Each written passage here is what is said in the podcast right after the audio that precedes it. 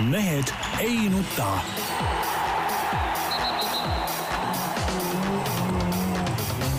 mehed ei nuta. selle eest, et mehed ei nutaks, kannab hoolt Unibet, mängijatelt mängijatele. tere teisipäeva, Mehed ei nuta eetris nagu alati. Tarmo Paju Delfist, tervist! Peep Pahv Eesti Päevalehest ja Delfist, tervist! Jaan Martinson Eesti Päevalehest, Delfist ja igalt poolt mujalt. et noh, mis mehed südamel, tähendab, vaata, Tarmo, sa eile juhtusid äkki AK-d vaatama? ja vaatasin küll, jah. vaata, sina oled tark ja haritud inimene, oled eh, ülikoolis käinud, selle isegi lõpetanud minu teada kõik, et vaata, kas sa, kas sa said aru, et, et mida see seltsimees Ossinovski seal nagu rääkis ja mida ta tegi ja mis oli tema siis vastus nende eh, sünnitusosakondade sulgemisele või mitte sulgemisele, kas need suletakse või ei suleta? ei no ta käis kohal. ei no olukorraga, näitas, et ta on kohal aga, edasi... aga samas äh, laseb ikkagi otsustada inimestel, kelle asi see on otsustada. nojah, aga mis siis tema tark, sinna kohale tark poliitik. tark ei, no, poliitik, minister on see, kes peab otsustama. tutvus olukorraga. ei no jaa, aga vot tehke mulle selgeks, kui temast ei sõltu mitte midagi, asja ta sinna läks, praegu no, kulutas. no ikka tuleb, ikka tuleb vaadata, ega siis, ega siis kui kuskil toimub, ütleme no Kemerovos, eks ole, mingisugune õnnetus, eks ole, ega Putin isiklikult ka ei pane kinni mingeid tüüpe seal, noh, Venemaa kohus ikkagi paneb. seda küll, aga tema annab juhiseid ja ta läheb, ikkagi sinna kui Ossinovski ja... oleks mees, ta oleks öelnud, et nii, jääb osakond ja jääb osakond, kõik, lihtne, milles küsimus on? Kus... tema on ju see, tema on ju kõige kõrgem isik nagu selles valdkonnas, tema saab otsustada loomulikult. no näed, ikkagi sa peaks vaja isegi kohale minna, sa oled telefoniõigusega, võtad toru Ossinovski siinpool. Need osakonnad peavad jääma, nägemist. tore. aga kusjuures muide, vend ikka pani ühe päevaga pani Jüri Ratasele ära. Ratas läks tänanes jah ja. ja.? no vot, imelik, et imelik, et ei ole veel jõudnud näiteks Hiiumaale mingid ministrid, eesotsas Kadri Simson. minu arust Simson võiks praegu võtta lihtsalt nagu sümboolselt labidaga, kui sõita mingi Aa. laevaga sinna, labidaga proovida sealt natuke nõkitseda. et ta läheb, ma saan aru, alles mitme päeva pärast pidi minema. kuule, alles kahekümnenda paiku midagi. no vot, nädalate pärast no ootab ära, kuni vesi tõuseb, vaata. no seal on tegelikult tema viga, Michal, Michal oli süüdi. praegu ei saa, praegu ei saa ju minna ka, vaata noh, selles mõttes vesi on madal, noh. Lähed, lähed sadamasse, selgub ise üle näiteks no.. Ja kui vesi tõuseb, siis ütle, siis ja, on tegin, hea öelda, et näed, tegime korda. ta ootab täpselt ära, noh. lasi vett nagu, juurde. ja nii nagu oli see, kes see seal neid narritas, neid Ameerika pärismaalasi, indiaanlasi, Columbus oli see või, päikesevarjutusega noh, see on vist mingi müüt, aga no ma ei tea. ei, ma ei oska öelda, see müüt või ei ole, no ja ta ütles, et ma võtan teilt päikese ära, eks ole, noh, tead, teadis, et päikesevarjutus tuleb, noh, ja siis andis tagasi, noh, päike tuli välja jälle no.. Noh, Siimson teeb samamoodi, ootab lihtsalt, ta on, ta on Eesti ilmateenistusega on kõik nii-öelda nagu läbi räägitud, teab täpselt, millal veetase tõuseb ja ja siis messjasena läheb, läheb, läheb Hiiumaale. siin on teile vesi, sõitke. Tehtud. Ja tehtud jälle jah, nagu naksti. Nii on. Nonii, rohkem ei ole midagi südamel, kodanikud.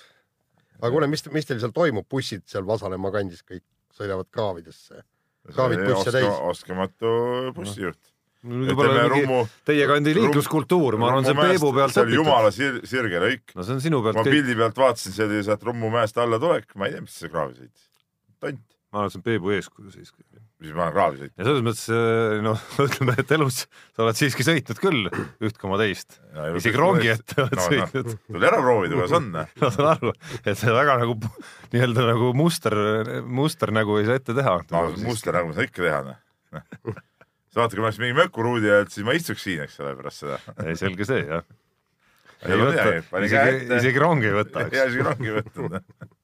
nii on, nii on. okei okay., nii räägime spordistki või? Räägime.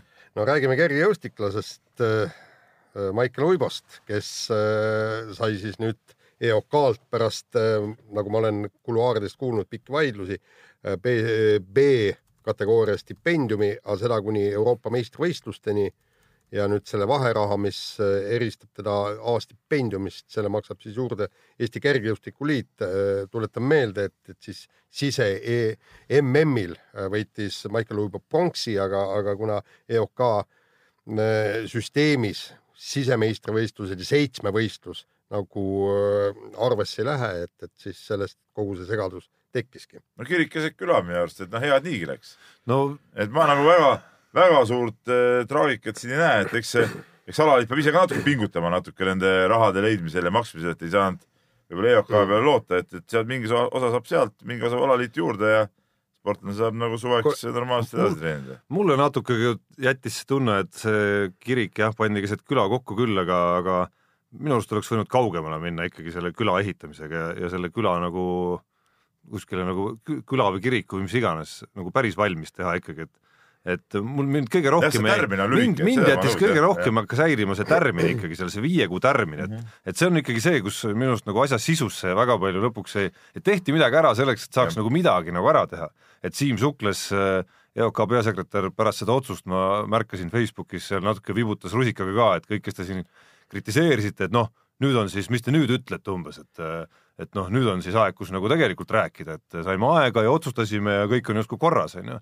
aga kompromissina see minu arust tundus isegi mõistlik, et okei okay,, ei ole A-kategooria, teeme nagu, nagu B-ks mm -hmm. selle ikkagi, aga et see on nüüd viis kuud on, mis, et mis me siis edasi teeme, et siis kui ma ei tea, saab, saab nulli, saab nulli ja. mingil alal või mingi kerge vigastus seal alal, et siis oleme nagu algpunktis tagasi ikkagi, et selles samas võrdluses, kus me asja sisusse vaatame, Xenia Balta, kes sai äh, kaheksanda koha samal võistlusel ja ikkagi nagu enam-vähem samaväärse noh, ütleme see, see seitsmevõistlus nii kaugel ei ole ikkagi kümnevõistlusest, eks, et rääkida mhm. sellest kui mingisugust totaalsest, totaalselt teisest alast ja me räägime Maicel Uibost ikkagi kui reaalselt meie järgmise olümpia nagu noh, sportlasest, kellelt me tahaksime, et ta pretendeeriks medalile seal, siis, siis peaks tema eest hoolitsema ikkagi, et see viis kuud minu arust on ikkagi vähe. ja ei, sellega ma olen nõus, et see summa on okei okay,, aga jah, ajapikkus ma olen sinuga nõus, et see, see kuni EM-i tegemine ja öelda, et siis, et noh, tuleb EM-il medalile, saab edasi, noh, see, noh, see päris nii lihtne kõik ei ole ja, ja ma arvan, kui ta jääb EM-il, EM-il näiteks neljandaks, viiendaks, eh, teeb seejuures normaalse tulemuse, noh, ma ei leia, et ta siis peaks nagu langevad C-kategooria sportlaseks tagasi nagu, et see oleks nagu, see oleks loomulikult absurdne. no vaata, minul on siin küsimus, et, et kas see nüüd siis, mida nüüd EOK siin väljastab, et kas see on nüüd siis preemia mingisuguse tulemuse eest või see on ettevalmistustoetus ja, ja palk sportlasele, et ta saaks öö, valmistuda tiitlivõistlusteks, eelkõige olümpiamängudeks. ja, ja ilmselgelt on Uibo praegusel hetkel medalikandidaat, medali pretendent ja me ei maksa talle ju preemiat, vaid me eraldame talle raha ja palga selleks, et ta saaks ei, täie ei, jõuga treenida. Jaan ütles muidugi jälle keerad ka vindi üle, ilmselge medali pretendente muidugi ei, ka ei ole olümpial veel. olümpia näiteks nii palju aega et, et siin öelda praegu, et keegi on medali pretendent on ka ilmselgelt. aga noh, ta on ikkagi selge nende sportlaste oota, ringis, kelle kes, puhul me võiksime oodata, et, et, et, et seal on mingi protsendipügal olemas. Jaan, see on mõnes mõttes ka selles suhtes preemia, et, et see tuleb nagu välja teenida, seda ei maksta kellelegi ette, eks. see ongi selle mõnes mõttes see Eesti spordisüsteemi totrus, eks ole, sellest on ka räägitud, et, et mis siis, et, et kuidas see nagu sinnamaani peab saama, et see raha üldse välja teenida, nüüd see on nagu välja teenitud, nüüd see ongi mõnes mõttes nagu preemia, mõnes mõttes nagu, nagu see ettevalmistusraha no,. vaata, saad aru, me, me ei, me ei saa nagu panna asju sõltuma tiitlivõistluste tulemusest. Sest eh, ma veel kord toon eh, sellesama näite, ma ei tea, kas ma olen siin saates rääkinud, tuleb EM ja Uibo jääb neljandaks, teeb kaheksa tuhat viissada punkti, jääb neljandaks mis on tegelikult täiesti võimalik stsenaarium ja mis tähendab seda, et, et ta ei saa, ta ei saa ettevalmistustoetust. me ja räägime. see kategooria peal tagasi. no, no aga see on ju absurd, kui sa teed kaheksa tuhat. Jaan praegu siin kakskümmend sekundit tagasi umbes. Noh.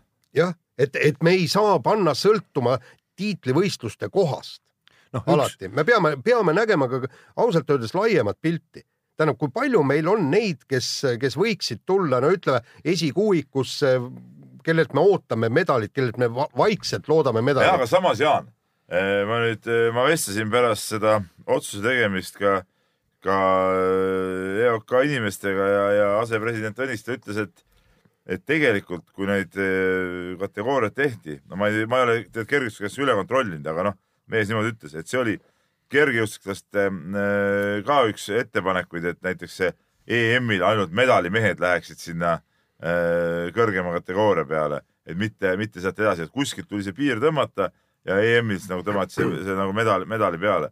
et näiteks ala kergejõustikuliit oli ka selle poolt olnud. ei no kuskile ma saan aru, kuskile tulebki piirid tõmmata. üks, mida oleks võinud näiteks seesama komisjon minu arust võib-olla veel teha, oleks äh, mõelda nagu konkreetse asja jaoks ehk siis mitme võistluse jaoks võib-olla nagu mingi püsiv erand välja ikkagi, et me püsivalt otsustamegi, et, et seitsme võistlus suhestub kümne võistlusesse näiteks sel moel, et kui sa võidad seitsme võistluse sise MM-il medali, siis, siis ütle okei okay,, me taandame selle nii-öelda A-kategooria B-ks, aga muus osas on kõik sama, et me nagu fikseerimegi ära selle nii seitsme võistluse kui viie võistluse puhul. ja, tei, ja teine asi on ju see, et, et tule, võiks ju panna ka sõltuma tulemusest, sellepärast et, et viga, see on ju väga vigastushallis ala ja, ja juhtub tõesti EM-il mingisugune vigastus või mis, kui sa näed, et kuni ma ei tea, a la vii, viimase alani on ikka väga hästi mis siis see, mis see tulemuse, no see nüüd siis nagu ei olegi mingit piiri kusagil, siis lähebki ikkagi siukseks puht emotsionaalseks. no jaa, aga, aga tegelikult. selles suhtes mõnes mõttes jälle ma olen natuke seda meelt, et ikkagi see see mingid kriteeriumid peavad nagu olema.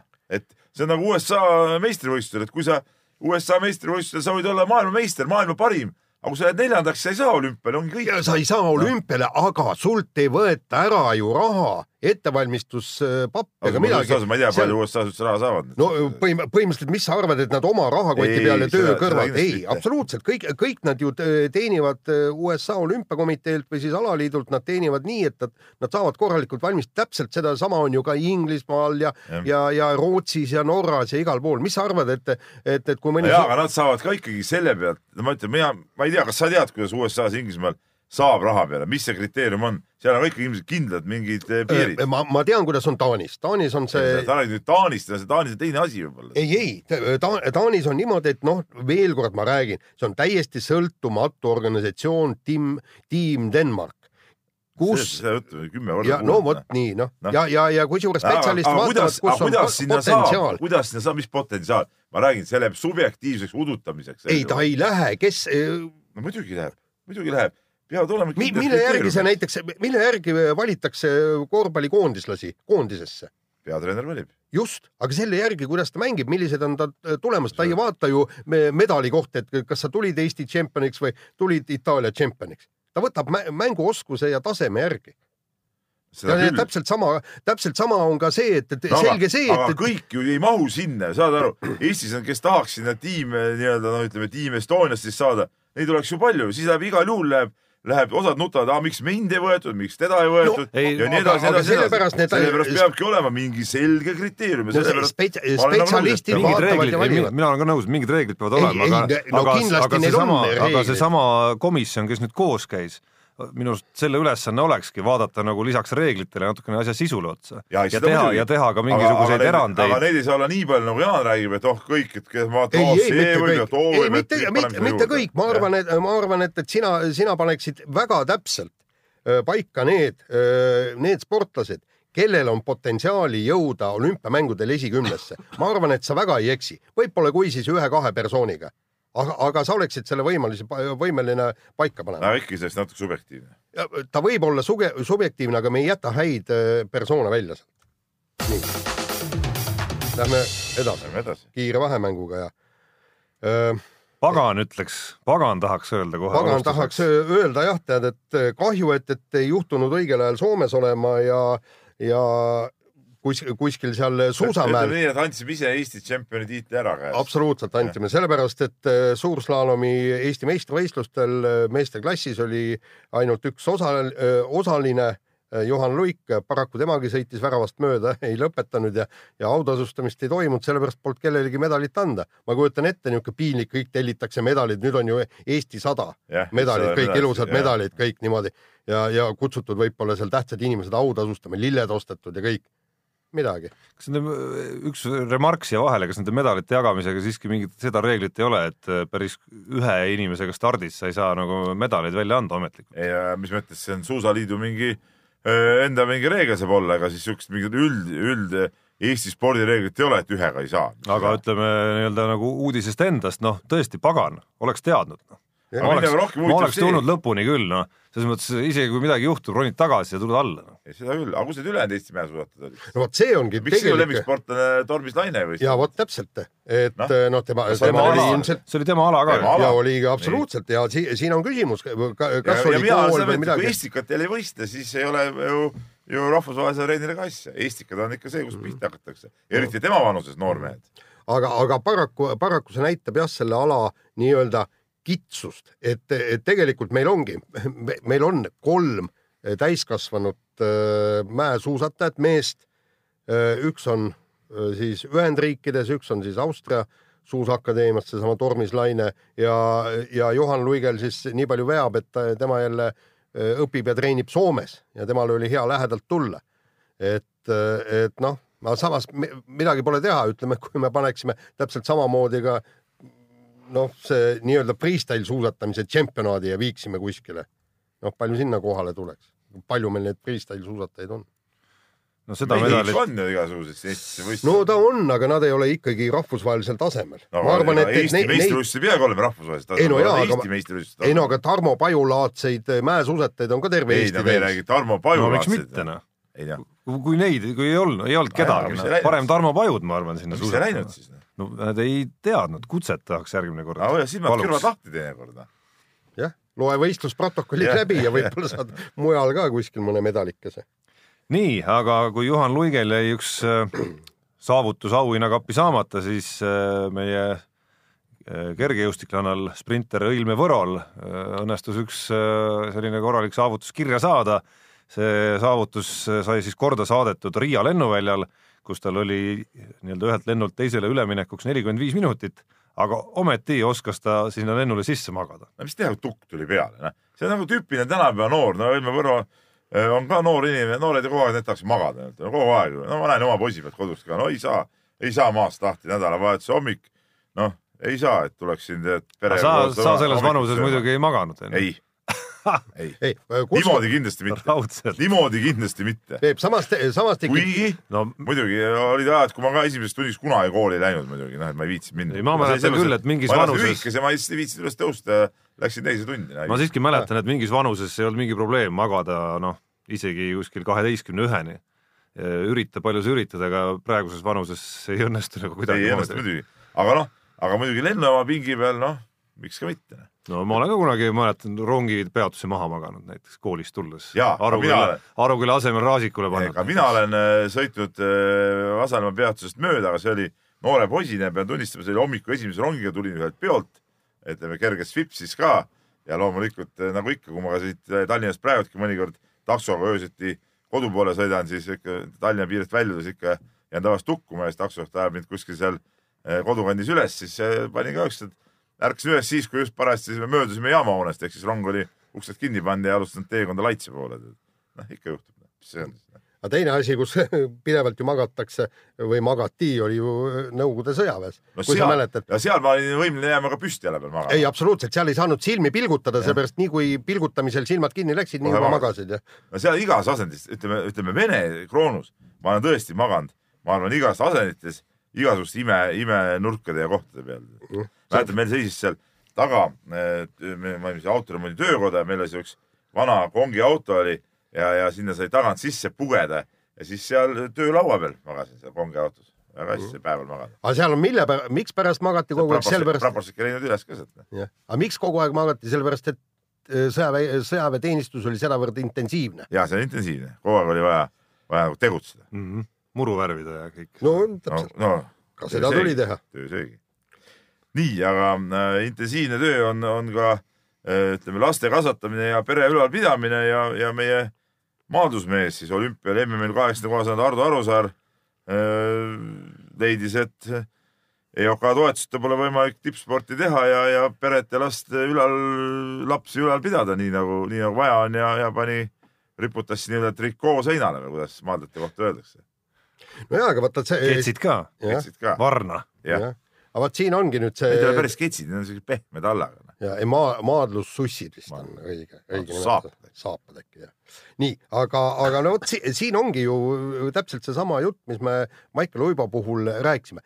nii, nüüd võiks ju tegelikult see nii-öelda komisjon, nii-öelda tiim Denmark hinnata, et kas on mõtet Ardo Arusaarele ettevalmistust toetada. teeme nii, sina oled nüüd see nii-öelda see komisjoni esimees ja nüüd tuleb avaldus lauale, kas Ardo Arusaarel oleks olnud mõtet anda mingi suurem toetus? Äh, äh, praeguse, tähendab, äh, hakka, hakkame sealt pihta. ei et..., vasta nüüd mu küsimusele, sina oled see komisjoni esimees, nii, siin on see paber, palun. Ardo Arusaar, palun mind võtta näiteks mingi B-kategooria. mul on sellised, sellised äh, saavutused. ma olen olümpia MM-i kaheksas mees olnud kunagi. Mul on siin kolm last vaja ülal pidada, kõik teha, trenni teha, nii. Nii Vasta., konsulteeriksin treeneritega, konsulteeriksin a- ala asjatundjatega. palun vasta mu ma küsimusele, veel ära hakka kord noh. ma veel kord ütlen, et ma konsulteeritakse, ta on täpselt piiri peal vend, ta on täpselt piiri peal vend ja, ja kui me vaatame viimast MM-i, siis, siis tal jäi jah, üks, üks võit jäi puudu, tal on seal Nii. teatud probleeme. ja mis koht oli? üheteistkümnes. nii, nii et, et ko- kolm kohta nii-öelda tagapool, ta on nipa-nappa pi, piiri peal. mina, mina teeksin niimoodi. vanus, vanus iseenesest on selline, kus nagu ütleme veel usk nagu lukku otseselt ei Ütle- paneks. et mina ütleks muidugi ei suutnud mingit konkreetset vastust anda, nii nagu alati pudistad. ma, ma annaks üheks aastaks, annaks talle kuni järgmise MM-ini võimaluse. no, no mina, leian jälle, et kui, kui me hakkame nii subjektiivsed nagu Jaan siin on toonud nii ja naa, siis Ardo Arusaare tasemel sportlased, kui me kõik võtaks sinna tiimi sisse, siis see tiim oleks nii suur, et selle jaoks nagu nii raha ei oleks. No sellest konkreetsest meetmest mitte, aga kuskil on loomulikult ka maadlusliit olemas, Ei, nii ei, nagu kergejõustikuliit see on teine asi, ei, ma räägin praegu sellest nii-öelda. kuule, kui palju meil, kui palju meil on eh, neid, kes no on mul on kahju, et eh, Ardo Arusaar loobub spordist. kuule, kui palju meil neid on, kes on olümpiamängudel kaheksa sekka tulnud? nii, eelmisel olümpial aga esikümnesse mitu oli matši peab olümpial võitma, et kaheksa hulka tulla? kuule, Ei, põhitöö on see, et olümpiamängudele üleüldse peab pääseda. võitma, et kaheksa hulka tulla? No kaks-kolm matši, aga, aga eelnevalt, ei aga eelnevalt, see on see, see, seal on probleem selles, et kuidas sinna olümpiale üldse pääseda. aga noh, jutu See arust on mõte on see, et maadlus, kui ma nagu maadlusliidu vaatevinklist vaatan, võib-olla jah, selle nii-öelda tippspordi nii-öelda meetme vaatenurgast äh, tõepoolest ta nagu jääb selle joone alla ikkagi, noh ilmselgelt tulemused ütlevad seda ka ja ja seal ei ole ühtegi nagu erandi kohta ka, mida Maicel Uibo puhul saime rääkida, et seitsmevõistlus versus kümnevõistlus. Aga kui ma maadlusliidu vaatenurgast vaatan, siis ma ütleksin, et pagan, meil Ardo Arusaart oleks nagu vaja küll veel Eesti no, maadlusesse no see näitab jälle alaliitude nõrkust, noh. ega meil ei olegi häid ega see üks meede, ega see üks meede ei saagi nagu kõiki. Eesti tippspordi probleeme lahendada. maadluskoondise ülalpidamine ikkagi maadlusliidu asi, kergejõustikukoondise ülalpidamine on kergejõustikuliidu asi, nii nagu korvpallikoondise ülalpidamine on korvpalliliidu asi ja nii käivad asjad. Sa ju tead ise väga hästi, kuivõrd tugevad või nõrgad meie alaliidud on, vot see on probleem. täna kordab minu neid lauseid, teist korda juba. kuule, aga, aga miks alaliidu peale vaatad? tegelikult Kelle peale siis? ei, aga kuskohast no klubide, okei, vaatame klubide peale täpselt noh., Eesti spordisüsteem ta oli ju Saksamaa Bundesliga mees hoopis ju. ei no tal on Eesti klubi seal, ei no vot kuidas saab üldse. kahes klubis korraga olla, hakkame siit pihta. no saab see on sama ikka. hea kui, kui ma ei tea, Vene mängib öö, täna Itaalias, homme tuleb, paneb siin No ta paneb Eesti öö, koondises, Tartu eest ka väikse sotsaka, tead noh. noh, päris sama ei ole, süsteem on ikka vähe erinev. ei, mis mõttes klubi, ühes klubis ja teises, ühes ja teises riigis klubis. no nad ei kohtu. kunagi omavahel. aa, see, need kohtuvad või? no selles mõttes, et äh, äh, ütleme, korvpallis on see variant siiski olemas. aga kui on niisugune klubi, kes ei mängi eurosarja, siis nagu võiks või? noh, ikka mitte tegelikult. noh, ei no ütleme niimoodi, et, et tal Eesti klubi ei, ei pea, ei pea klubi matše. Saksamaa klubi peab, et siin, aga, aga no okei okay. nii, lähme edasi, jaa. Lähme edasi ja öö, aasta uudisse, mida mõtles Ragnar, Ragnar Klavan, kui postitas Instagram, Instagrami mikrofoto öö, inimese silmast, mis on võimas nagu must auk. no ütleme, see on nagu tõesti tänapäeva äh, nagu Aga pilt see oli äge., elu no pilt oli äge ja kõige, kõige arusaamatumal moel oli see Jah. eilse päeva üks loetumaid see uudiseid oli. eilse päeva loetuim spordiuudis ja see, see teeb mind ausalt öeldes nagu, nagu kurvaks. ja miks? see ei pilt oli äge ju. no mis, see ei olnud ju mingi ei, aga jaa. Peebukene, no püha müristus, noh. no, no minu käsi ei tõuseks sellist uudist tegema, noh. kuigi meie noored tegid ära ja pididki tegema No äge pilt oli ju. ja kõik on tore, aga no mi- mis, mis kuradi asi see on, mis, mis spordiuudis see on? Peep, aga palju põnevam oli see, et, et kuidas ka õige jälle. vaata, kuidas seda uudist müüdi, müüdi, vaata, mis vapustava postituse tegi. on, ütleme, oleme, oleme, Ei, oleme oma noori nagu ei, hästi õigesse teele suunanud. seda võtet, kusjuures, mida Jaan praegu mainis, ei olnud seal, oli lihtsalt tegi ootamatu postituse. no, no see ongi. et loomulikult, loomulikult ei tasu ära, loomulikult ei tasu ära mainida, et mis, millest see nagu täpsemalt ei, ei, seisnes no siis inimene ei vaata. see on sellepärast, et kõik mõtlesid, et ahaa, näed, läheb äkki Liverpoolist ära kuhugi või midagi niimoodi.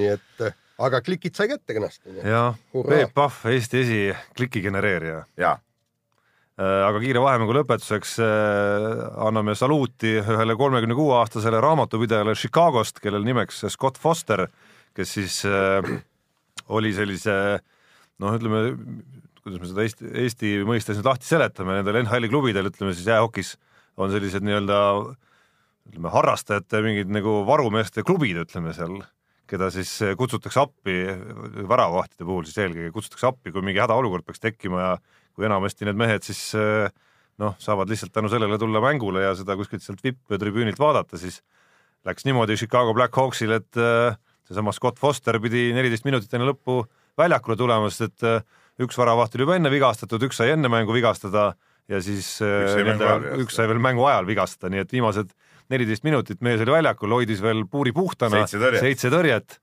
no mida sa hing veel ihkad? aga Tarmo, kas ei ole, vaata mäletad, kui me sinuga nooremad mehed olime, eh, minu arust sina ka rääkisid seda. jaa, olen rääkinud, olen ja, unes näinud, eh, ilmselt ajendatuna mingitest reisidest koos korvpalluritega, olen unes näinud, et pean väljakule minema, kas siis Kalevi või Eesti koondise seda unistust me oleme mõelnud kõik nagu, et niisugune võimalus tekiks. aga no näed, ühel mehel sai see nagu nagu päris reaalsuseks. aga kusjuures selles mõttes on, on. võib-olla on... õnneks siiski, et seda ei ole juhtunud. kas sa ei oleks tahtnud olla tol õhtul see seltsimees Foster või?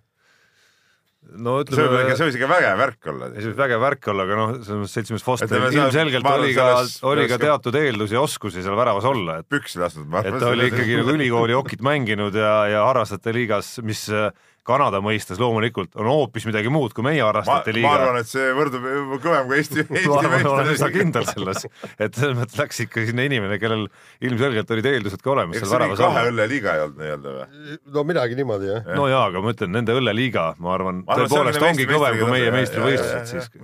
aga kusjuures selles mõttes on jälle. mis ta seal tegi, ma seda videot mitte olnud, tõrjed olid ju täitsa. ei no absoluutselt, noh, me oleme ise käinud siin Eesti nii-öelda harrastajatena mängimas mingite Soome pensionäridega ja saanud sealt nii-öelda nagu rannamees rotti peksa ikkagi. aga kujutad lihtsalt noh, see on nende, nendes riikides on see veres, uisutamine ise juba ja okitrenn. aga kusjuures see, selles mõttes on äh, kurb, et, et kuna tema oli amatöör, siis kui proff on äh, nii-öelda neljas väravaht ja peab äh, särgi selga tõmbama, siis selle eest talle makstakse viissada eurot või tähendab viissada dollarit ja ta saab selle mängusärgi endale, sellesama, kus on nimi tema selja peal aga paraku amatööridel äh, pappi ei maksta ja ka särki ei anta. ma loodan, et see mäng kindlasti anti see särk. mis sa tead, sa saad äh, mingi särgi purustad läbi selle. no ta sai ju ka mingi MVP auhinna. sai MVP auhinna ka ju, mängu, mängu peal mängija. särk särgiks. aga, aga ma ei saa ikkagi aru, kes on need proffväravahid ikkagi, see on nagu eriti segane nagu ei no see, seal oli ju, vaata, ma kirjutasin, üks on Artur Sirbe, kes aga ta oli. proffväravaht enam. ei, enam ei ole, aga see, kui ah. sa oled NHL-is mänginud, vot see on proff. ah, see tegi, aa, ma ei saanudki nagu aru. siit peaks võib-olla tegema mingitele Eesti klubidele ka, kus on siin võib-olla nagu noh, Kossuski vaatan, pingid on ju väga lühikesed, siin on satse küll, kes tulevad no, teinekord siin kaheksa mehega, juba Müürsepa siin peaks Kullamäele ettepaneku tegema, et me võime tulla sinna sellesse nii-öelda sarnasesse varumeeste klubisse, noh ei no vaata, kui tal on kahtteist meest panna, võime seal pingi peal ka istuda, seal nalja teha ja patsu lüüa ja. no absoluutselt noh, ja kui tõesti mingi häda käes on. häda käes no küll ma lähen siis löön seal korvi all äh, platsi puhtaks. no ma võin, Gert, kui sa kuulad, ma tegelikult ma panen pealt endiselt veel. no vot, seda hästi ei usu muidugi, aga noh. nii on, Peep. okei okay,, ta, Tarmo muidugi palju alla ka võtnud, ta päris meeste mõõtu enam ei ole muidugi. nii, lähme kirjade rubriigi juurde ja siin kirjateemad on seekord päris huvitavad ja alustamegi siin korvpalli teemadega ja, ja Viktor Vihmavari on meile kirjutanud, on ka varem meile kirju saatnud ja, ja siin on üks, üks sihuke lugu. Äh, selline vaja natuke ajaloolist mälu. et äh, kirjutab nii, et kunagi arutasite, et milline on olnud Eesti korvpalli tähtsam korv ja leidsite, et selleks on mingisugune Metstaki korv, mis tõi EM-il kuuenda kohale. ta muidugi, noh, see oli alagrupi mängu korv, aga okei okay.. Äh, Viktor ka mäletab seda korvi, et see oli küll väga tore ja kuues koht pole paha, aga see ei ole tähtsam korv et eh, kõige olulisem korvi autoriks peab ta Taavi Reigami, kes viskas selle kusagil mingisugustel üleminekumängudel sellel aastal, Kalev tuli Nõukogude Liidu tšempioniks. et mäletab, et see käis üle RTI toonase staarmängija Anatoli Jakubenko käte ja noorte hääles ilmus ka pilt sellest ja nii edasi. et, eh, et, et ta kirjutab, et loodan, et ma siin midagi segamini ajanud, aga minu meelest nii see oli. mul on niisugune tunne, Viktor, et sa ajad midagi segamini, sest sel hooajal, kui Kalev tuli liidu tšempioniks, Taavi Reigen on Kalevis ei mänginud. ta mõtlebki mingit varasemat hooaega ilmselgelt. ei no jaa, kui no aga üleminek, ei niimoodi, üleminek mängus sel aastal, kui Kalev tuli Nõukogude Liidu tšempioniks, on siin kirjas. sel te, aastal. ja teine asi, noorte, noorte häält ka tol ajal enam ei olnud. ei olnud, Eesti Päevalett oli. ei olnud. üheksakümmend üks ja päev, Päevaleht, kuna press aga oli ju see ja mäletad. aga, aga, aga mina tean, milles, millest ta tegelikult räägib, ma arvan, eh, kui ta räägib noorte häälest Taavi Reigamist. mäletate, kui oli, oli, eh, mis aasta see oli? Eh, kui Kalev oli esiliigast välja kukkumas Just. ja kui oli kõige otsustavamad mängud, ma mäletan, seal oli, oli, oli veel raadioreportaaž, tollal vist juba Harri Matskin oli see mees, kes tegi neid ja oli sealt kohalt ja, ja see oli nagu, see oli nagu otsustav mäng minu arust, et üldse mitte esiliiga, ma ei tea, kuhu see üldse kukkuda sai. teine liiga oli ka olemas. aga esiliigast välja kukkus mängus ja siis oli ju tähtis mäng, kus see Toomiste ja Reigam tagapaar vedasid selle Kalevi nagu sealt äh, välja ja, ja jäädi esiliigasse püsima ja pärast seda algas see Salumetsa juhtimisel see see suur tõus. et ma arvan, et kui samas jälle seal ei saanud RTI jälle olla, sest et RTI oli tollal kõrge klubi tegelikult. aga ma arvan, ma arvan, et tegelikult ütleme, siin on mitu asja nagu kokku pandud, et, et Viktor võiks ka natuke. ei, aga to, toona, kas oli äh, Riia RTI? ei, Minski RTI. või Minski RTI, Minski RTI. ma ei ole kindel, ta ju kõikus kogu, ta ju kõikus kogu aeg. et ma arvan, et siin on mitu asja Viktoril ka kokku läinud ja jutt käib muidugi kaheksakümnendate keskpaigast, et, et seal eks see päris ammune aeg ka juba. kui Taavi Reigan kuuleb meid, siis, siis võib-olla ta ise täpsustab, et, et kus ta selle ja. olulise korvi pani. aga igatahes jah, ma ei jõudnud, ma ütlen enne saadet ka otsima hakata seda kuskilt, aga, aga minul on nagu, nagu see mälestus sellest, kuidas Reigam ja Toomiste seal selle ühe mängu välja tõid, sellest on ka palju kirjutatud. ja ma ise kuulasin tookord raadios seda, seda mängu. nii, aga siin nüüd äh, Mart Maasikas kirjutab ja ka korvpall ja mõnes mõttes teema ja ta kirjutab nii. tere, mehed, et peale võrkpalli Balti liiga poolfinaali oli Delfis uudispealkirjaga seitsmeteistaastane koolipoiss aitas Pärnu finaali. pärast Eesti liiga veerandfinaali oli Postimehes uudis, kuueteistaastane koolipoiss säras ja Selver alistas seeria avamängus Rakvere. ja siit läheb nüüd edasi, eks ole, et et see Timo Lõhmus, kelle varasemalt sel tasemel mängude kogemus puudus, oli siis see mees, eks ole, kes, kes need asjad tegi. nii, nüüd ta kirjutab, samas teie sõber Teie lemmik eh, spordialad korvpallis üritas Eesti liigas mängu järel kõva huumor, humorist olla. et eh, TLÜ Kalev Cramo mängu järel ütles Kullamäe, tegi Müürsepale ettepaneku väljakule naasta, kuid ta jonnib vastu. põhjus oli selles, et Kullamäel oli kasutada ainult kaheksa mängijat. täiesti arusaamatu, miks ei ole kaasatud U kaheksateist mängijaid hooaega läbivalt põhikoosseisu juurde, et saaks vajadusel kasutada. ja siis see Mart vaatas basketist, et eh, Tallinna Kalevi nime kandes U kaheksateist meeskonnas on tervelt kaheksateist nime et, et äh, tekib küsimus, et kas need kaheksateist nime meeskond on selleks, et saada pearaha noorte treenimiselt ning kas peaks ka maksma korvpalliliidule lisatasu, kui klubil ei ole piisavalt klubisid püramiidis. no tead, siin on, siin on mitu asja. ma tead, muidugi tean seda, äh, et äh, Tallinna Kalevi U kaheksateist meeskond ei ole kindlasti pearaha meeskond, et ta on ei no see on ikka reaalselt noored, kes mängivad ja, ja. ja nad asuvad praegu kolmandal kohal tabelis, eks ole, et, et et seal on, seal on mitmeid mehi. no pigem on probleem osa... selles, et seal vist väga ei ole selliseid, kes päris meistriliiga tasemel no, võiks seal... mängida. ja osad mehed tead eelmine aasta olid ja, ja said ka meistriliiga eh, kogemust seal, eh, kes praegu mängivad eh, seal noortesatsis ja mängivad teises liigas. seal rohkem on nagu selle klubi süsteemi äh, küsimus, et see Tallinna Kalev ja see Tallinna Kalevi korvpalliakadeemia omavahel, see on nagu see on värdühendus mõnes mõttes jälle, et noh, ta ei ole nagu sihuke loomulik ühtne organism, vaid need on nagu natuke erinevad asjad sinna juurde pandud, seal on ka mingid teatud persoonide vahelised äh, äh, probleemid ja, ja, ja sellepärast ei ole, ei ole noh, ei ole seda siukest asja, aga minu arust see on, see on Tallinna Kalevi kõige nõrgem äh, koht praegu, et hakatakse sealt väga klubi tegema küll, aga minu arust need noored tõesti peaksid tegelikult regulaarselt käima ka seal, seal treeningutel, ma olen tegelikult ka Kullamäega seda teemat arutanud ja ma mõtlen, ma tean neid põhjusi, miks see võib-olla päris nii ei ole, aga, aga minu arust tuleks sinna sassist üle olla ja ja ikkagi, ikkagi, ikkagi sinna saata. küsimuse minu arust üks iva on ju ka see, et, et, et ko, kas korvpalliliit võiks ikkagi olla natukene nagu karmim ja natuke resoluutsemalt nõuda ikkagi meistriliiga klubidelt seda, seda nagu järelkasvu olemasolu, järelkasvu tiimi olemasolu ja mitte ainult nagu formaalset olemasolu, vaid ka, vaid ka mingit sisu sealjuures. kindlasti peaks seda nõudma ja see, ja see peaks olema iga normaalse klubi nagu loomulik osana, mitte siukseid klubisid nagu on a la Kalev Cramo, kus nagu reaalselt oma noorte värki toimivat korralikku püramiidi ei ole, ei tohiks nagu tegelikult üldse ollagi. et see on nagu ja, ja need ei tohiks olla fiktiivsed, et noh, me nüüd võtame siit mingisugused pundid, kirjutame no,, nad on meie. teeme väikse diili. teeme väikse diili, et anname teile siin kolm paari ketse või, või maksame teie eest ära noorte eh, tsempionaadi tasud, noortel vist isegi ei olnud praegu tasusid, ma ei mäletagi praegu peast. no üldiselt midagi natuke aitame ja siis olge meie nii-öelda püramiid, noh, see on nagu jama, noh, selle, see ei ole asja point ju noh, tegelikult point on ikka see, et oleks poistel kuhugi nagu tulla ja jõuda ja selles suhtes on noh, see Tartu on praegu nagu väga hea näide, eks ole. noh, Pärnul on ikkagi ka nagu ütleme, see organism on nagu täitsa, täitsa olemas. minu arust TTÜ on ka niisugune klubi, kus jäeti sel hooajal teatud potentsiaal kasutamata, et TTÜ teise liiga satsis mängivad mõned U kaheksateist poisid, kes tegelikult, arvestades kui kehvasti see TTÜ hooaeg läks ja niisugused eh, võib-olla tagumised pingimehed seal on, oleks võinud rahulikult olla ka meistriliiga satsi juures. Et, et noh, see asi peaks, peaks nagu sedasi, sedasi käima igal juhul. nii, võtame siit ühe kirja veel, see ei ole nüüd otseselt sporditeema ja see kiri on mõeldud rohkem nagu Peebule, nagu siin kirjas on, Kalev kirjutab sellest ja, ja jutt käib siin siis nii-öelda nagu rahvuslikust äh, mõtlemisest ja, ja kirjutab siis nii, et Peep on alati väga rahvusliku mõtlemisega ja väga selle vastu, kui mõni Eesti sportlane on elanud välismaal või leiab endale kaasa välismaalt, et see inimene oleks nagu natuke riigireetur. noh, no ütleme, see, see on nii ja naa, eks ole, siin on, on teatud nüansid, olen, olen nagu nõus. aga siis äh, läheb pikk jutt äh,, käib sellest, kuidas äh,, kuidas loomad äh,, linnud äh, liiguvad ringi ja kuidas, ütleme, käib see nii-öelda see, see parema vere otsimine edasi ja, ja, ja siis, et kas Peep ei arva, et õige eestlase veri on tegelikult segu Soome, Ugri, Vene, Saksa, Rootsi, Prantsuse, Läti, Poola ja nii edasi inimeste verest. et vere segamine teeb ainult head, jätab meid elujõuliseks rahvaks. Et eh, ma arvan, et ega eh, üdini paha pole, kui mõni mees, mõni meist kolib mujale kaaslase kodumaale ja jääb noore inimesena sinna. kes teab, võib-olla tulevad tema lapsed, terved ja tugevad inimesed ise siia Eestisse kunagi tagasi.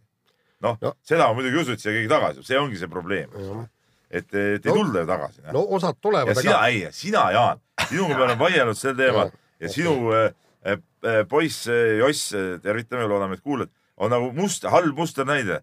Ikka kogu aeg välismaal, ikka saba selges välismaale. mäletad seal Soomes ükskord me istusime seal köögis tunde, poole ööni, kui ta hakkas sinna Austraaliasse minema ja rääkisime oh. sellest. mäletad? nalja. noh, et noh, see. tuli tagasi, praegu on no, Eestis. ja noh, aga öö, kauaks? kauaks, selles on küsimus. ikka kogu aeg on vaja otsida siit ja sealt mingeid kohti. no aga seal on no. töö parem no,. nii, äh, aga, aga sellele kirja autorile ma ütlen ka, et öö, tõesti räägitakse, et tõesti segatud veri on tugevam, aga paneme siia kõrva, kõrvale Islandi, kellest ei ole ei taanlased, rootslased, sakslased, venelased, leedukad, lätlased kõik üle käinud. aga vaadake, kui sitke rahvas on. Nemad on seal oma saare peal ja seal on ju omavahel kogu, kogu aeg see elu käib ja, ja, ja ka ülikõvad. äkki oleks mõistlik siiski leppida sellega, et äh, elu lihtsalt äh, nii-öelda, elu teeb ise need valikud ära. mis regulatsiooni sa siin üritad teha nüüd? Paneme riigipiirid kinni, keelame ära erinevast rahvusest ja erinevast riikidest, eri riikide kodanike omavahelise seksuaalse läbikäimise riikide vahetamise, tööle minekut. mis sa ei leia Eestist naist endale või, või, või, või sa ei leia Eestist meest endale või milles asi ei no kui ma satun välismaale ja no. satun armuma kellessegi seal, no keelame ära. ei no ei keela ära, no aga siis tuled aga Eestisse tagasi, sa Eesti mees oled aga milleks? aga miks tööle ka ei tohi minna mujale? selles suhtes, et no okei okay,, kui naine satub, ütleme naine peab minema ikkagi sinna, kust mees on pärit ja mees on perepea, mees eh, määrab, annab perekonna nime, eks ole mees määrab, kus elatakse. no kui mees tahabki olla seal. see on kõik pupujuhku, noh. siis ei olegi midagi sellist rääkida, noh. seda ma räägin, no nendest ei ole, need ei ole õiged Eesti mehed. Noh. Eesti mees ei ole pupujuhk, Eesti mees on metsapull, metsalõvid no.. selge. no siis ta on lihtsalt, lihtsalt mees, mitte Eesti mees. mingi, mingi suvaline, mingi euronoor, noh. euronoori me ei hinda nii, lähme nüüd teemade juurde. Lähme teemade, lähme teemade juurde ja räägime Äh, nii-öelda pensionäride tulekust Eesti meistrivõistlustele ja Eveli Saue, kes võitis äh, nii äh, siis distantsil ehk siis naistel on viisteist kilomeetrit ja viieteist kilomeetri distantsil võitis hõbemedali ja noh, olgem ausad, tegi nii mõnelegi ära, aga kurb on see, et, et kõik Eesti laskesuusatajad jälle äh, ei olnud siin Eesti tšempionaadil kohal ja, ja oleks tegelikult tahtnud näha, et äh, milline oleks nende tase olnud võrreldes Eveli Sauega, aga samas, kui inimene teeb trenni ainult täpselt nii palju, kui lund on ja ainult laskmas on käinud ühe korra. ühe korra. see teeb natuke nagu ikkagi nagu kurvaks või, või mingisse, mingisse totrasse siuksesse äh, perspektiivi paneb selle praegused nagu nii-öelda tipud või, või koondislased. Et, et äh, tegemist on vastupidavusalaga, nii. et kui ühed nagu trennivad mingi, ma ei tea, silmad ruutus, ilmsasti möllavad, siis teine teeb nagu pühapäevasuusataja, okei okay,, ta kunagi on seal põhi all, aga see, ega vastupidavusala põhi ei püsi ju, ju elu lõpuni nagu see, et sa saad mingi, suudad mingi tipp kiirust ja sõita, siis võiks ju veebruar minna ka praegu MM-ile ja, ja võtta ikka medaleid, eks ole. et, et ja siis ta on puhtas sõiduajas ikkagi kolmas nende teiste seal vahel. no siis see nagu ikkagi nagu näitab, et need ülejäänud on ikkagi nad sõidu mõttes kehvad noh, see, no, midagi, midagi seda, muud seda, nagu öelda, väga kehv. aga see ei ole ka mingi avastus, et ei, no, juba MK-sarja sõiduajad no, näitavad jaa. täpselt sedasama, no, no et kus see üllatus no, siin on? see on ikkagi nagu, nagu totter kõik. mind, mind hakkab pani imestama see nii-öelda suur nagu hüüumärgindus siin, kui Eveli Saue välja tuli ja medali võitis, et noh, mis, see on ju ettearvatav, ma oleks võinud seda enne ennustada juba. Muide, ma ei mäleta, see oli, see oli enne olümpia, olümpiamängu, kas see oli, see oli aasta või kaks tagasi, kui, kui Saue käis samamoodi, käis Eesti tšempionaadil.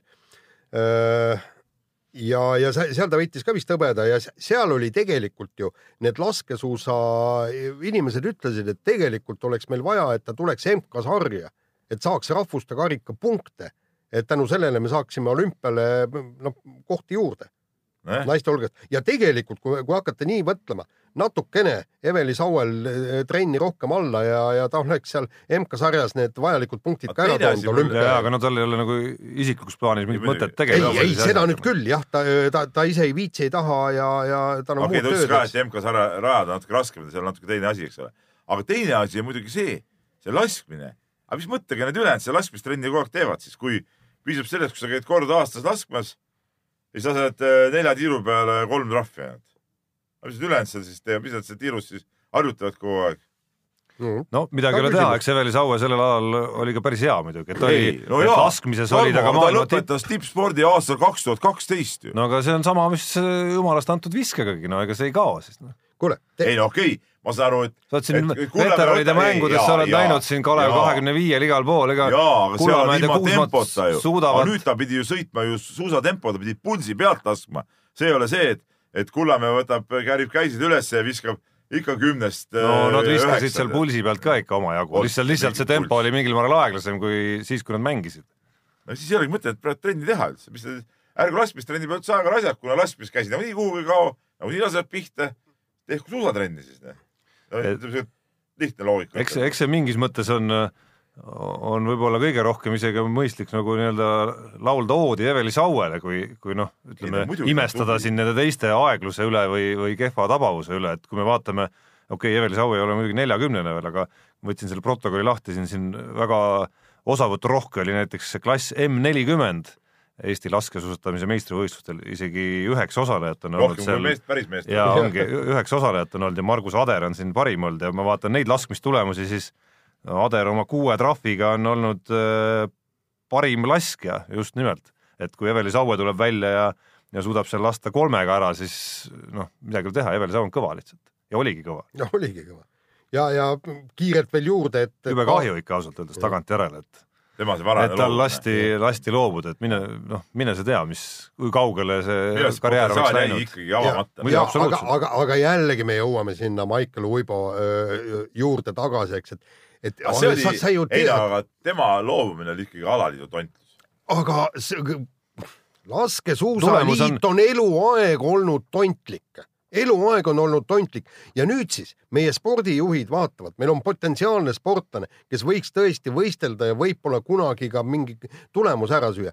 ainult lihtsalt irvitavad pihku ja noh, ebaõnn, et läks, näed ära, no midagi ei ole teha, aga kõik alaliit ja klubid tehku, meie ei tee siin midagi no see on ju täpselt nii. et tulemus on lõpuks sama, noh, inimene loobub ja on läinud meie ja. jaoks ja, okei okay,, enamasti sööb seda suppi antud juhul laskesuusaliit, MK-l ei ole kedagi välja panna ja ja, ja midagi muud, aga noh, ütleme kord nelja aasta tagant sööb seda suppi siis äh, olümpiakomitee, noh okei okay,, sellepärast neil ongi võib-olla muretum see olek, et noh, elab selle ühe olümpia üle, keegi ikka, Kelly Sildaru ikka tuleb kuskilt. vaata, seal põhi, põhimõtteliselt kõik need igasugused nii rahvustiimid, nii eh, tiim GB, eks Suurbritannias kui ka Uus-Meremaa, kõik nad on loodud selleks, et sportlane, tippsportlane oleks alaliidu ülene. tippsportlane ei peaks sõltuma alaliidu tugevusest või nõrkusest. tippsportlane. ja ei, ma saan aru, ma saan aru, Jaan, jah, jah. nii, nii. aga no hea, hea vähemalt seegi, et et Eesti kahevõistluse meistrivõistlustel Kaarel Nurmsalu medalit ei saanud yeah., see, see oleks olnud ikka veel, see oleks, see oleks veel rajum olnud minu arust, noh. Minu arust ka see, et hüpetajal teine oli, kui ta ütleb, et ta on vist viisteist kilo kaalu juures või yeah., siis hüppab ennast ikka kahevõistlustel sealt teiseks, see on nagu nagu natuke nagu, nagu. ja aga no taas ei ole mingit üllatust, kui me näeme ju ka, et needsamad tiirmaad ja pihod kus iga kilo ei ole ikkagi ju maailma ju, tasemel nagu konkurentsis siiski suusahüpet. iga kilo ju maksab. noh, see ei ole ju, noh, võtke see tiirmaa siis viieteistkilone seljakott selga, kuhu ta siis hüppab. nii. jah, no oleks võinud panna nagu tasanduseks oleks võinud panna teistele suusasõidul sellesama asja sinna selga. täpselt. nii, aga vahetame teemat Äh, markeerime ära ka selle, et Eesti jalgpallikoondis käis koos, käis tuuril Kaukaasias ja väravad jäid löömata no,. muud ei saanud, siis šašlõkki vast ikka said no üks ilus värav löödi Gruusia, siis Gruusiale me kaotasime null kaks.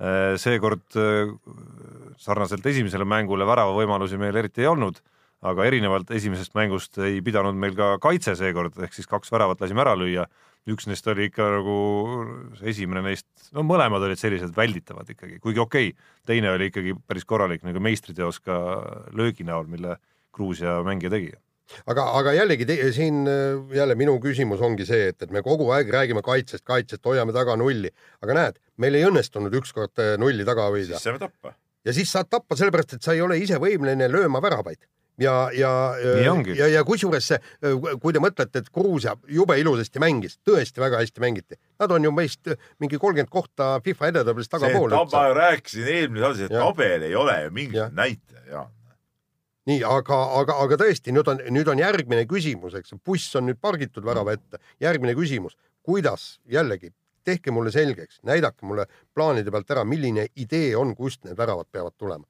Ragnar Klavanil oli muide võimalus tegelikult lõi posti peaga nurgalöögist. äkki sa peaks panid selle silmapildi, et näe, silm ei olnud täpne, et lõin posti või? vaatasin mööda.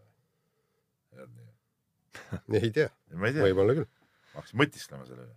nii, nii., aga lõppesid ka tõstmise Euroopa äh, meistrivõistlused ja, ja meie Mart Seim otsustas sealt loobuda. aga tundub, et tegi valesti, sest et äh, tulemused, mis äh, raskekaalus tehti, olid äh, väga viletsad ja, ja hõbemedali võiduks oli vaja tõsta naeruväärsed nelisada seitseteist kilo kahe tõste kogusummas, et. just nimelt naeruväärsed, Peep, jah. naeruväärsed jah, et äh, no ütleme nii, see Seim tõstis siukseid tulemusi juba siin neli-viis aastat tagasi. no ma, ma ei saa, ma, ma ei saa, ma ei saa. kriitikutele ei tahtnud anda ju põhjust puremiseks. algab no. võistluste kaskaad, eks ole, et tal on tõesti sel aastal veel kaks võistlust, kus ta osaleb. nii nagu ta rääkis, noh, et noh, see on ka nagu no ma tuletan meelde, põhjus oli see, et ta ütleb, et ta pole soovitud vormis ja ta ei taha oma tulemusega, kus ta ei näe, et ta isiklikku rekordit ilmselt parandaks, ei taha anda kriitikutele ainest hammaste nagu, teritamiseks. andis nagu kindlad medalid nagu ära käest. No, no ütleme niimoodi, et, et äh, seal oli hõbe oli tegelikult täiesti võtta ja, ja ma arvan, et see, ta oleks ka suutnud puhta treeningu pealt võib-olla nädal aega enne, enne võistlust teha erialast ettevalmistust ja ta oleks rahulikult ja, ja, ja ta olekski. selle või... EM-i väärtus ise oli ju nii madal, sest vaata, kui palju seal puudujaid oli nagu juba riikide tõttu. no ja teine asi, et äh, ta ei ole nagu näha tulemuste pealt, ta ei ole sugugi ainus tõstja, kes praegusel hetkel ei ole nagu oma ja, nagu nii-öelda tippvormi või tipp, tippvormis ja, ja pane endale paika, äh, paika mingisugused raskused, mille peale sa lähed, eks, et, et ta tõesti ütles, et, et ma oleks võinud seal muidu vigastada saada, ära siis mine oma rekordeid tõstma. panegi paika niimoodi, et, et umbes nelisada kakskümmend võtan piiriks ja tuleb, mis tuleb, on ju, eks. et võta seda nagu treeningprotsessi osana, eks. ja, ja sellega sa kindlasti ennast ära ei lõhu. et, et praegu on tõesti Euroopa meistrivõistluste medal on medal, sul on midagi, midagi käes ja, ja, ja praegu me räägime, eks, et me, et me tahame nüüd MM-il olla vormis.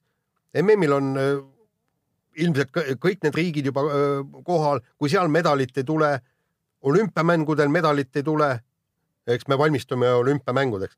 no vot siis ongi tühjad pihud, aga praegu oleks vähemalt midagigi näppude vahele jäänud. no ma loodan vähemalt, et, et mitte ühtegi loobumist ühelgi sportlasel tegelikult ei tule kunagi enam sellise põhjendusega, et et ma ei tea, noh, ma ei ole sellises vormis ja siis ma ei jõua seda vingu ära kuulata, mis seal nagu on, see ving on nüüd viimane asi, mille peale üldse mõni sportlane mõtlema peab.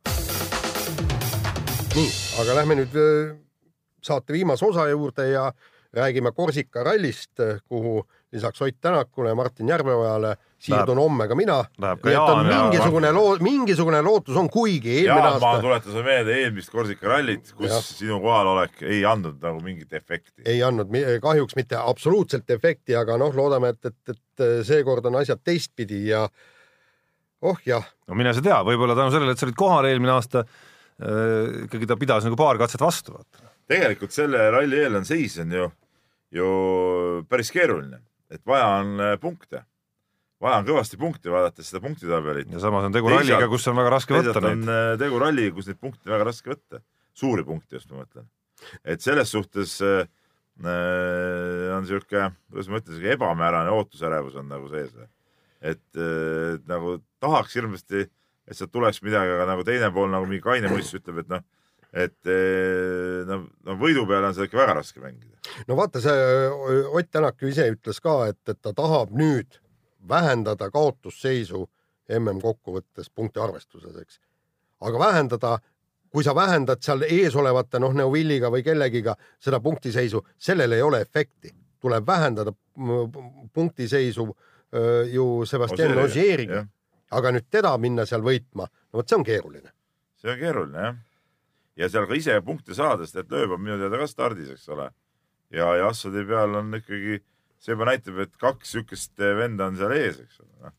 et sealt on nagu suuri punkte, ma räägin, väga raske saada. no just lugesin äh, Citrooni äh, äh, pressiteadet ja nemad lähevad, ütlevad, et nemad lähevad seda rallit ikkagi võitma eh?. ja, ja, ja Miik on ju ka ja asfaltil on ju Citroen hea. asfalt on Citroen hea. ja, ja, ja Miik ei ole ka king, kindlasti mingi poisike, et või, võib sealt, seesama Latvala, ta on ju üle-eelmine ja, ja viimasel kolme aasta jooksul kaks korda teine olnud sealsamas Korsikal. no samas Ott oskab muidugi katsuda väga hästi sõita, selles ei ole nagu. Saksamaa ralli võitis. ja, ja selles ei ole nagu küsimus, aga just, just Korsika spetsiifika just on, on see, mis Ožeeri jaoks on jälle nagu see trump, eks ole, noh, see on nagu tema jaoks ju, ju noh, kindel ralli, kus ta peab nagu võitma tegelikult. no eelmine aasta oli Neuvill vist minu teada võitis seal. ja, aga no jah, noh ja.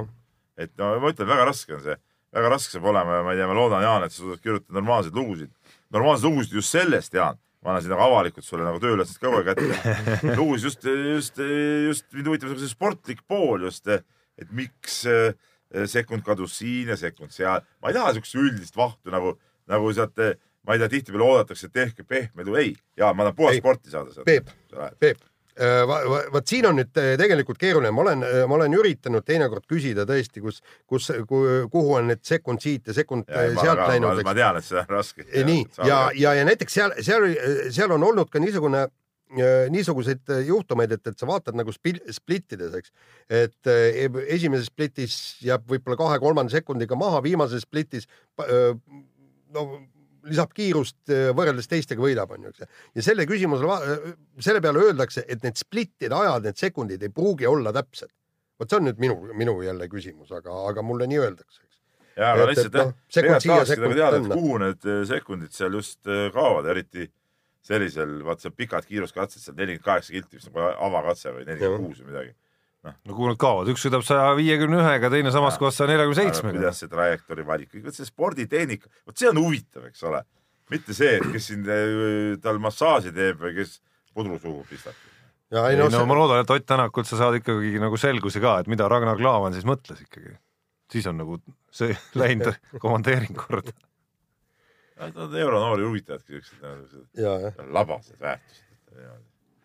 ega no, silmapilt oli ikkagi äge Klaavani kontol, mis asi see iganes. no silmapilt võis äge olla jah, aga, aga, aga las see olla, aga, aga veel sellest korra sellest, sellest äh, rallist rääkides, et, et äh, noh äh,, kui ma ütlesin, et, et võib-olla väga suurt kala püüda ei saa, et mina oleksin rahul, kui, kui Tänak võtaks näiteks kolmanda koha sealt ära. kolmas koht oleks siuke, mina arvan, siuke maksimumsooritus noh, ütleme unelmate järjestus, kui pidada võib-olla Ožeed natukene nagu suureks pähkliks Korsikal, oleks võib-olla lööb esimene, Ožee teine ja Tänak kolmas näiteks. noh, eeldusel, et ei ja. ole seal mingeid suuri katkestamisi. samas jälle Ožee esimene, Neuvill teine ja Tänak kolmas. noh, ütleme niimoodi, et, et äh, MM-tiitli pärast võitluses äh, vaatad küll ilus kolmas koht ja head punktid ja ikkagi nadi. No ei, õnneks, aga... õnneks ma kahtlustan, et äh, Ott ise ikkagi ei, ei vaata seda asja niimoodi, et Ožeed on tal kuidagi nagu väga raske võita, et ei, sellega ma küll hakkama ei saa. mul on tunne, et see enesekindlus on tal tegelikult nagu sisimas olemas, et ta suudab asfaldil Ožeega võidu sõita. seal on ka stardikoht Ožeel on palju parem, noh. teadupärast asfaldil on ju ees ju kõige parem start. ja, ja, ja Otil Ott on siis, mis ta on siis, kuues, eks ole, noh, ütleme seal on juba piisavalt seda prahti ka, ka raja peale toodud kurvides. Kusjuures spetsiaalselt tuuakse. spetsiaalselt tuuakse, eks ole, jah, seal nende lõikamistega, et. mul on, mul on jah, fotograafid rääkinud, kuidas, kuidas Ogier on kindlasti üks mees, kes kes lõikab äh, nii, äh, seda ta äh, teeb, niisiis. no seda hakkas ju ka... Neville hakkas juba eelmise ralli järel juba hädaldama ette minu arust, et Korsikal e saab see juhtuma. no ja, ja kusjuures seal Monte Carlo rallil ka, et vend nagu läheb ja lõik, lõik, lõikab ja lõikab ja toob seda nii-öelda lund ja jääd sinna raja peale, et äkki keegi tagant sõidab välja ja ja täiesti põhjendamatud lõikamised ja, ja aga nii tehakse. ei no aga mis põhjendamatud? ei no sul ei ole. see on võitlus ju. ei no sa, no aga sa kasutad ära sinu eh, valduses olevad võimalused ju, reeglite piires. et teistele eh, kehvemaid tingimusi luua. no loomulikult, aga see ongi ju, kui sa korvpallis mängid kaitses, siis sa mängid ka nii, et vastasel oleks võimalikult ebamugav seda viset sooritada ju. kehvemad tingimused. noh, hoiad teinekord kuskilt kinni. ükspuha, kust hoiad, noh. peast kohtunik ei näe. Ma ei tea, raske on ka kuidagi Ožeele midagi ükskõik kellele seal midagi ette heita, et tundub kuidagi väga loogiline osa sellest no,. sellest eelisest, esimesest starti eelisest, ma saan aru, et iga mees, olemata mingi rallispetsialist, iga mees võib-olla ei oskagi lihtsalt niimoodi seda ära kasutada, seal nagu asfaldispetsialistid nagu Ogier või Loeb suudavad. jah, seda kindlasti jah. nii on no. aga siis järgmine saade on pärast Korsika rallit täpselt nädala pärast ja egas midagi, täna liiga pikaks läinud, nii et kohtume siis, kohtume siis varsti. Mehed ei nuta.